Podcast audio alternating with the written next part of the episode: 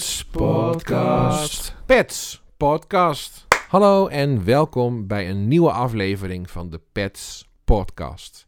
In deze aflevering het interview met Rutger Vink, alias Virtue. Pets Podcast. Ik ben Rutger en dit is Pets. Rutger, oftewel Virtue, natuurlijk eh, bekende YouTuber en eh, natuurlijk veel filmpjes al gemaakt de afgelopen jaren. Ehm, ook veel reacties daar natuurlijk op, veel positieve, maar ook helaas wat negatieve reacties. Lees je alles nog wat er geplaatst wordt? Eh, ja, ik lees eigenlijk al mijn reacties, zowel op Instagram als op YouTube.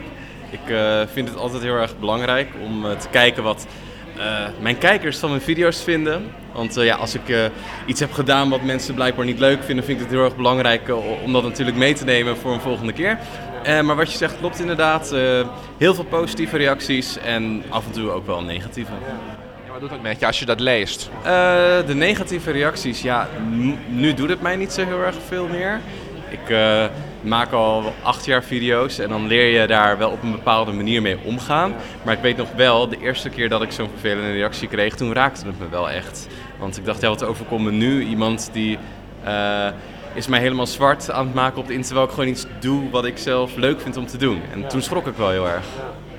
Oké, de, de, de, fans die je natuurlijk aan ondersteunen. Als er één negatief is, dan krijg je vaak misschien al tien mensen die, eh, wanneer die erop reageren positief. Dat is wel, geeft wel een goed gevoel, denk ik, of niet? Ja, ik heb het geluk dat wanneer ik een keer een, een haatreactie krijg, dat er dan eh, heel veel kijkers het voor mij opnemen. Uh, maar ik vind niet dat dat het beste voor mij moet goed praten, als het ware. Van nou ja, het is niet erg, want heel veel mensen nemen het voor me op. Want ik weet ook dat er heel veel mensen zijn die dat niet hebben. En uh, als andere mensen zien dat onder mijn foto's, wat op Instagram het normaal is om me te pesten, dan vind ik wel dat ik daar iets van moet zeggen. Want het is natuurlijk niet normaal. Ook al raakt het mij niet, uh, ik wil dat gedrag gewoon niet goedkeuren, want pesten is nooit oké. Okay. 2015 jaar een hele emotionele video gemaakt. Hè? Een coming out en een, en een uh, pestvideo natuurlijk. Um, ja, was het moeilijk om het op te nemen, om je verhaal persoonlijk te vertellen en met je kijkers te delen? Ja, ik heb in 2015 een uh, coming-out video als het ware. Ik was al lang uit de kast, maar het verhaal van mijn coming-out heb ik op mijn YouTube-kanaal gedeeld. En ik vond het heel moeilijk om het op te nemen. Dat kun je ook wel zien als je de video ziet. Ik kom uh, op een gegeven moment bijna niet uit mijn woorden. Ik, uh, ik ben heel emotioneel daarover. Um, en ja, dat kwam gewoon recht uit mijn hart. Ik had het niet voorbereid voor de video. Ik dacht, ik ga gewoon zitten. Ik wist natuurlijk wel ongeveer wat ik wilde vertellen. En dit kwam eruit. En, um, ja, het was wel heel erg bizar om dat mee te maken, omdat ik dat verhaal toen deelde. En uh, s'avonds was het uh, in het nieuws, op het RTL Nieuws was het en stond uh, in diverse kranten was het helemaal een ding. En ik had het totaal niet verwacht. Um, maar heel veel positieve steunbetuigingen heb ik toen gekregen. En voor de mensen die de video niet hebben gezien en de mensen die in de klas nu kijken, zou je het nog kunnen samenvatten wat je hebt meegemaakt vroeger qua pest en hoe het gegaan is? Uh, ik kwam er ongeveer op mijn 12e, 13e achter dat ik dacht van nou misschien val ik wel op jongens. Toen uh, wilde ik dat een beetje gaan uitzoeken uh, op een veilige manier. Want ja, ik kon het aan niemand vragen, want ik kende niemand die ook op jongens viel. Dus ik dacht ik ga op het internet, ga ik een beetje met andere mensen erover praten, chatten. En toen had ik een profiel aangemaakt op een website. Toen is het uitgelekt, want iemand die zag dat profiel en uh, die heeft het vervolgens uh, aan iedereen. Uh, ik woonde toen in een dorp, heeft hij het doorverteld. En op dat moment is het pesten heel erg begonnen. En durfde ik niet meer de straat op. Dus toen sloot ik mezelf eigenlijk op in mijn kamer. En verder durfde ik eigenlijk niks meer. Niet meer naar school, niet meer naar leuke feesten. Als er een, iets in het dorp te doen was, dan bleef ik liever binnen heftig dat je dan isoleert van de rest, dat je zo bang bent voor de reacties die je krijgt. Want ik hoorde ook in het verhaal inderdaad dat mensen bij je deur stonden te schreeuwen en zo. Uh, was je op dat moment alleen thuis? Of hebben je ouders er ook iets van gezegd als je ouders thuis waren op dat moment? Nee, ik was op dat moment alleen thuis. En op dat, op dat moment was ik heel blij dat ik alleen thuis was. Want ik dacht, yes, mijn ouders hebben het niet gehoord. Maar achteraf gezien wilde ik eigenlijk, was het veel beter geweest als mijn ouders het mee hadden gekregen. Want dan wisten ze wat er met me aan de hand was. En ik heb gewoon nog jarenlang dit verborgen gehouden en ontkend en uh, gedaan alsof er niks aan de hand was. Ja. En uh, krijg je nog steeds veel reacties op de video? Dat mensen de video nog steeds zien, dat ze nog steeds veel reacties erop geven? Ja, ik vind het wel heel erg mooi dat, uh, ook al is het inmiddels vier jaar geleden dat ik die video heb gemaakt, dat, uh, ik krijg nog steeds berichten van uh, kinderen die de video bijvoorbeeld in de klas hebben gezien, omdat een docent die heeft aangezet. Um, dat ze hem uh, tijdens de Coming Out Day hebben gekeken of op dat soort speciale dagen dat hij dan op scholen wordt vertoond. En dat vind ik wel heel erg cool, want ik durfde het zelf vroeger niet op school te vertellen. En nu doe ik het eigenlijk alsnog, maar dan via mijn video. Ja. Krijg je veel persoonlijke verhalen, berichten van mensen zeggen ik word ook gepest. Hè? Heb je tips voor mij? Krijg je veel van dat soort reacties? Helaas krijg ik heel veel van dat soort uh, verhalen via e-mail, via Instagram. En vaak wel privé, dus niet onder mijn YouTube-video's, daar zie ik ze niet zo heel erg veel. Maar heel veel kinderen die vragen mij om, om advies inderdaad. Dus er is nog een hoop winst te behalen op het gebied van pest helaas.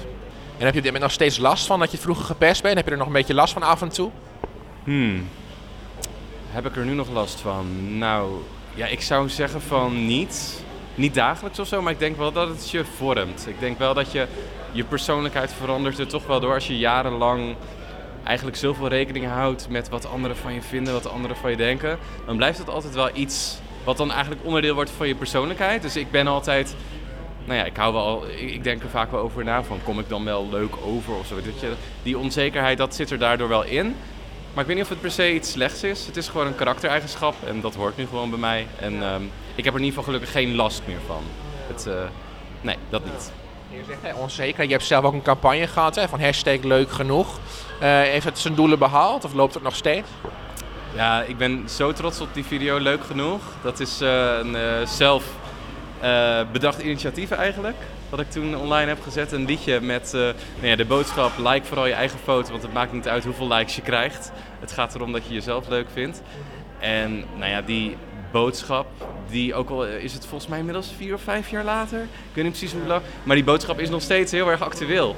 En um, ja, ik, ik, ik, weet ook dat uh, nog. Uh, ik zie het ook aan de statistieken dat die video nog steeds wordt bekeken. Dus dat vind ik wel heel erg mooi.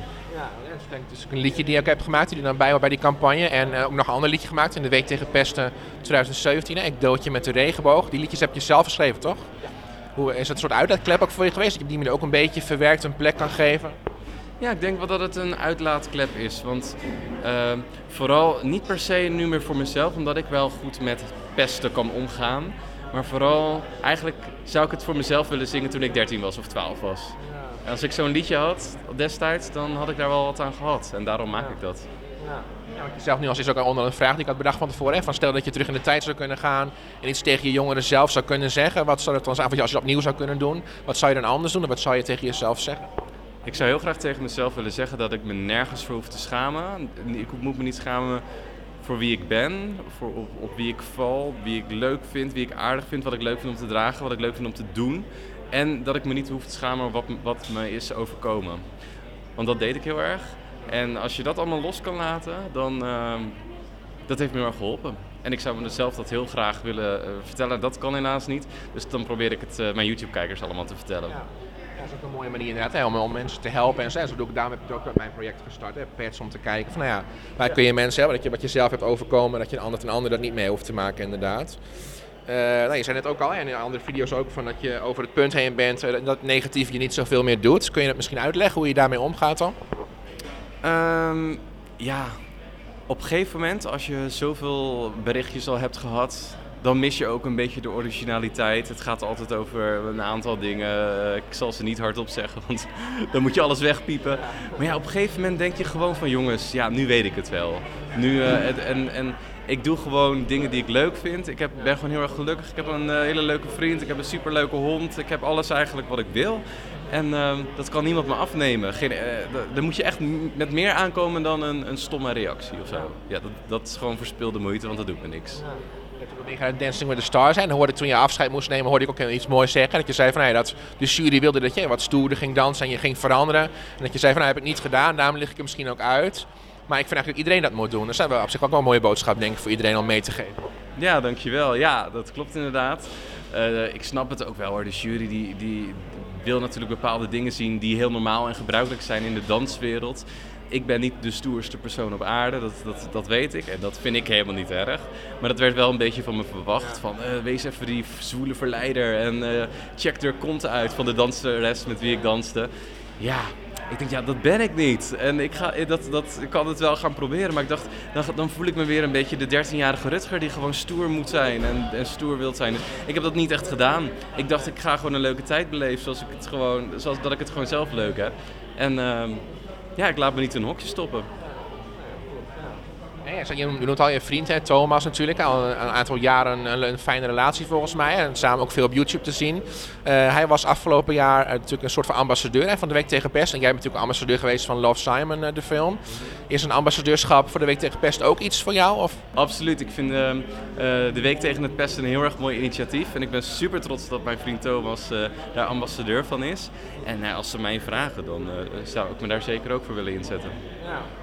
En liggen er nog meer liedjes op de plank? Dat je zegt, ik ga nog een liedje, misschien jaarlijks in de week tegen pest een soort liedje uitbrengen? Of denk je op een gegeven moment, heb ik het onderwerp wel gehad en dan ga ik andere dingen doen? Ik weet het niet. Ik heb nog niet echt iets in de planning staan voor een, een nieuw liedje daarover. Maar als er inspiratie komt, dan, dan is het er ineens. En wie weet. Dus we gaan het meemaken. En ten slotte, is er nog iets wat jij tegen de leerlingen willen zeggen? Hè? Die, die pesten die misschien gepest zijn of mensen die het zien gebeuren of als docent? Mijn boodschap aan jullie is of je nu gepest wordt of misschien wel, nu je erover nadenkt, wel eens pest. Um, laat iedereen in zijn waarde, laat iedereen zichzelf zijn. Iedereen is mooi, iedereen is uniek. En um, ja, als je dat doet, dan krijg je dat waarschijnlijk ook van andere mensen terug. En dan wordt het denk ik een veel leukere klas. Wil je meer informatie? Ga dan naar www.petsproject.nl. Ook kan je reageren via social media met de hashtag PetsProjectNL. Bedankt voor het luisteren en tot de volgende keer. Pets Podcast. Pets Podcast.